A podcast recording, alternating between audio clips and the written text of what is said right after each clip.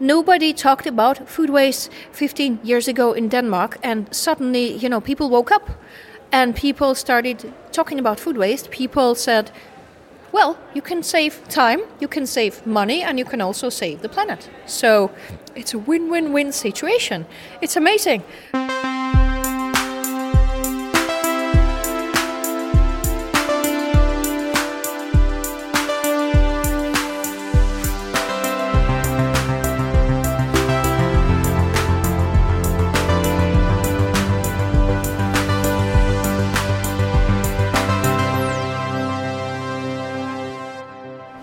Welcome back to Heja Framtiden, the Swedish podcast on the future. My name is Christian von Essen. I'm sitting here at uh, Garnisonen in Stockholm um, just after we have finished Nordic Food Waste Summit 2023. Uh, great gathering uh, with high level professionals and ministers uh, attending. I'm sitting here now with uh, Selina Juul from uh, Stop Wasting Food movement. Welcome to the show. Thank you very much. Tell me about uh, Stop Wasting Food. Uh, when did that start and why? Well, it started 15 years ago, and uh, it's a Danish movement that I started 15 years ago, and it has become not only a national but international movement. I'm originally a graphic designer. I'm not a food person. I'm not a politician, but unfortunately today I do nothing else. and um, basically, you know, we are a bottom-up initiatives. We're a consumer initiative, started up bottom up uh, suddenly the first, you know, our first breakthrough was uh, Rema 1000, which is Rema 1000, a Norwegian supermarket chain, which is in Denmark. They heard about me on the news just three months after I started the movement. They contacted me and they said, Selina, that's a great idea. So, inspired by you and your movement, we have just cancelled all the bulk discounts in every shop in entire country in Denmark. And you know, bulk discounts is buy three, pay for two.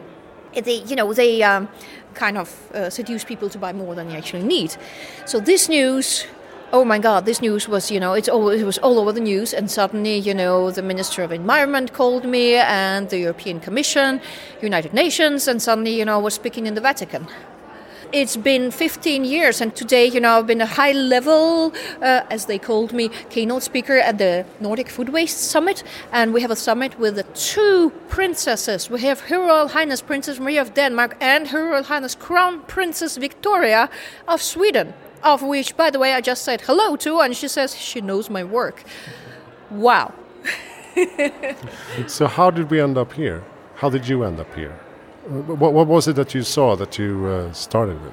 Basically, I wanted to do my little bit contribution to change the world, and that was food waste. Nobody talked about food waste 15 years ago in Denmark, and suddenly, you know, people woke up and people started talking about food waste. People said, well, you can save time, you can save money, and you can also save the planet. So it's a win win win situation. It's amazing. Uh, let's stop wasting food. And suddenly the politicians got involved, the government got involved, the Vatican got involved. And suddenly, you know, I'm speaking here. So it's been one hell of a ride. But how have you seen the development uh, in the public opinion and the, from the business side and the political side during these 15 years? I mean, has the has the mind shift been uh, permanent, and uh, are we now reaching a sort of tipping point? You think? I would say the discussion is really rising up. I mean, our, our latest uh, Gallup survey by Kantar Public uh, for Stop Wasting Food is actually showing that 94% of the Danish population say that there's much more uh, focus on food waste today than 15 years ago. So basically, you know, it's the result of our work. We are really, you know, shifting the consumer behavior. Now, what I, you know, my, my entire point at the conference, at the summit today in my keynote, was that I would love to see making wasting food socially unacceptable making wasting food socially unacceptable. And no, I'm not talking about that we need to eat uh, much more than we actually need. I'm talking about making it as socially unacceptable as smoking indoors. Because you don't smoke indoors today, it's socially unacceptable. So, wasting food throughout the entire value chain, I would love to see it in 10 years that it's socially un- unacceptable. We don't waste food anywhere. What do you think is the best way to accomplish that? We talked about uh, regulations a lot today, legislation, um, and also the price that the, it should be more costly to waste food, especially from the retailer side. Do you think this like whip and carrot uh, perspective uh, combined with um, consumer behavior and technology can be the way forward? Very excellent question because there's no one miracle solution. There's no one size fits all solution. There has to be many solutions. I mean, it's behavior change, it's technology, it's the legislation, it's the uh, you know innovation. So it's many, many, many, many factors that combine one solution. But basically, I mean, what we did in Denmark is, I'm not saying that we made it socially unacceptable, but I know that, you know, today everybody's talking about food waste. I mean, we have uh, an honor to collaborate with Her Royal Highness Princess Marie of Denmark, uh, with whom I have published a cookbook on food waste. I mean, when you have the royal house involved in the fight against food waste, it's really something because you know it's it's not only our, you know, it's not only the activists, it's not only the grassroots, it is people upstairs. And of course, uh, most of my listeners know the problem with food waste and, and, why it is such an interesting topic. But can you briefly make the pitch? Why are we talking about this so much now? 8 to 10% of the global uh, greenhouse gas emissions, they, they, they come from food loss and waste. So it's a very tangible solution to, to cut up to 10% of the global CO2 emissions just but by cutting food loss and waste. Now, but it's a complex problem.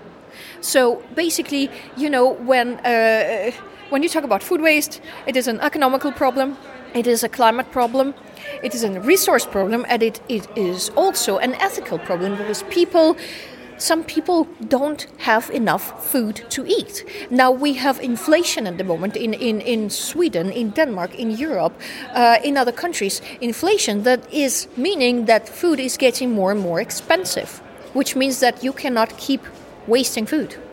So, what, what thoughts and insights are bringing home from uh, from this uh, summit today? Uh, we talked a lot about uh, increased collaboration between Nordic countries, for example. Well, this actually you know, today it is the first and biggest step in the Nordic countries to a joint collaboration to stop wasting food. There are Nordic countries that are gathered together so we can find solutions. You know, 10 years ago, exactly 10 years ago, I won the Nordic Council Nature and Environment Prize. It was in Oslo. It was one of the biggest days of my life, actually, because I didn't, you know, count on winning, but I did. So, but this is really collecting, you know, combining the Nordic countries in collaborative action, which is important because I mean we do have an action in the European Commission. I'm, I'm a part of the European Commission's uh, Food Loss and Waste platform. We do have an action in FAO, the United Nations Food and Agriculture Organization. I'm, I'm sitting on the member of their Save Food Initiative, but we also did an action. We need action in the Nordic countries. And uh, a lot of the action revolves around uh, harmonization of rules and definitions and measurements stuff like that, right? Well, uh, the measurement and definitions are important because in many countries they measure food waste differently. Some measure food loss, some measure food waste, other measure side streams, and other measure waste. So we need to standardize this issue. I'm working at the moment in the group of the Danish Standard Organization, which is actually part of the European organization, to standardize the food waste definition. It was also, you know, I've been in a lot of EU projects about that as well, so it's not the first time, but uh, it is a difficult topic. what do you think is most uh, enjoyable about your work uh, today? To see that my work is actually, you know, moving something. To see that, you know, today 94% of the Danish population are aware of that food should not be wasted I mean, that didn't happen 15 years ago. 15 years ago, I was a graphic designer. I was sitting, I'm an introvert, so I was sitting, you know, drawing uh, drawings. I mean, if you tell me, you know, 15 years ago that Selina, you will be collaborating with Her Royal Highness Princess Marie of Denmark, you will be speaking in the Vatican, you will be contributing to the Holy His Holiness Pope Francis book on food waste, or you can get on the BBC and the video get viral and you get 30 million views all over the world, I would say you're crazy. and why do you think you have struck a chord with your work? Is it because you appeal to uh, to uh, households that they see that this is actually something I can do? It's a very excellent question. You know, remember it was 2008. We started to have economic crisis in Europe, in Scandinavia, in Denmark, in Sweden, all over the place. People needed to save money. So I came at the right time and the right place. Al Gore just published his movie Inconvenient Truth. Al Gore inspired me to do this work. I mean, among many other people, but and I think I was at the right time and the right place and the right communication because you know today I have 126,000 social media followers. I'm on the news all the time. Sometimes, like it's 10 times a week, uh, nationally and internationally, but it's also clever and intelligent communication. For example, I never talk about my private life. Never either online, in social media, or in the media. I never invite journalists at home. You know, when CNN was here in Denmark, we, were, we had a fight because CNN wanted to come home to me, and I was like, no, you don't come home to me. And you know, I really keep focus. So if I get invitations from programs like Dancing with the Stars or other shitty reality programs, you know, I said no because you know I'm not an influencer. I'm an opinion maker. I'm a leader. I'm a founder, but I'm not a person who's going there online or on on TV trying to get famous. You know, after all of this, I need to get home.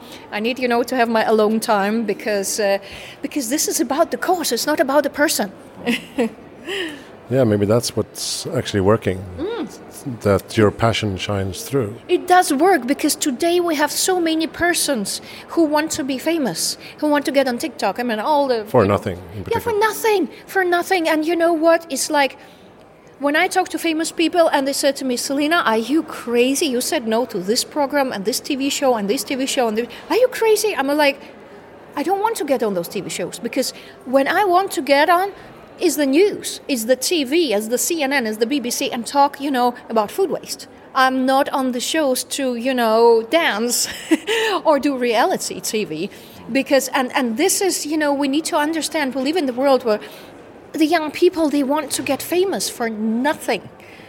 And it's, it's a wrong thing to do because you need to, if you're famous, you get to get famous for your work what you did something for the society, for our planet, for you know our future, instead of just you know dancing or being in a reality TV uh, participant. But if you find your topic like you did, mm. your purpose, your passion, uh, your mission, then it's uh, it's quite it, it's not that difficult to become an expert on the on the topic and and become the role model in the area. Yeah, right? but it, it does. You, you, picked a very good niche. Yes, but it does require a lot of work. Yeah, of course. A of lot course. of work because you know what? You know, every time there's a published a new food waste report, I read it because I know that the news are calling me the morning after and they will say selina what do you think about this and this and this so i read it and you know i've been reading like 400 reports on food waste the last 15 years national international swedish danish finnish everywhere because you know i need to be the top expert of my area because also i love this work it interests me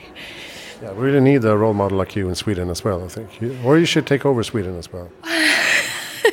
you know, when I was on BBC, a lot of people came to me, oh, I mean, it, I get 30 million views. I mean, it was crazy. And, you know, I got so many emails, and people are like, Can you go to Brazil? Can you go to Sweden? Can you go to Norway? Can you go to, you know, Australia, South America, and, and do this for us? I'm like, No, start your own movement.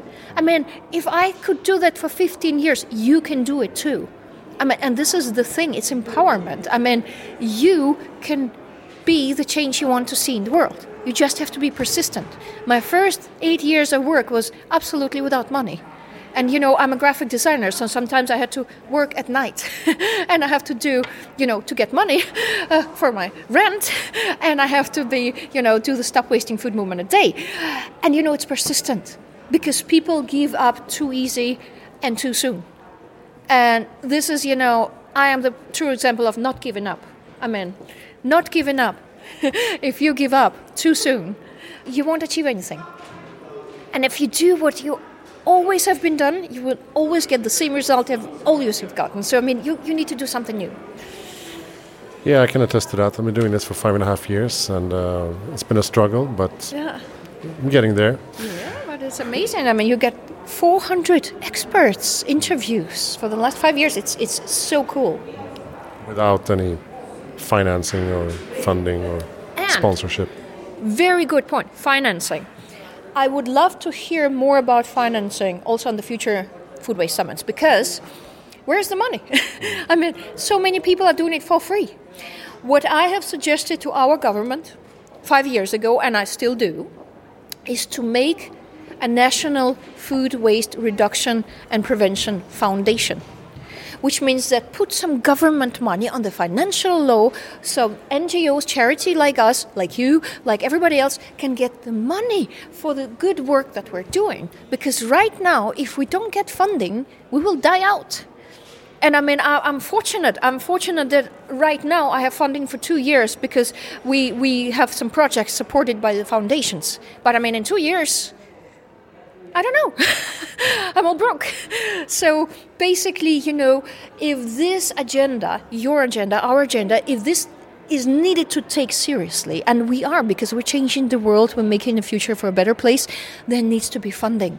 I would love to see the Nordic Council propose to have a, a joint Nordic foundation for all the Nordic countries so they can fund initiatives like yours, like ours, like many others who are changing the world. It's so important.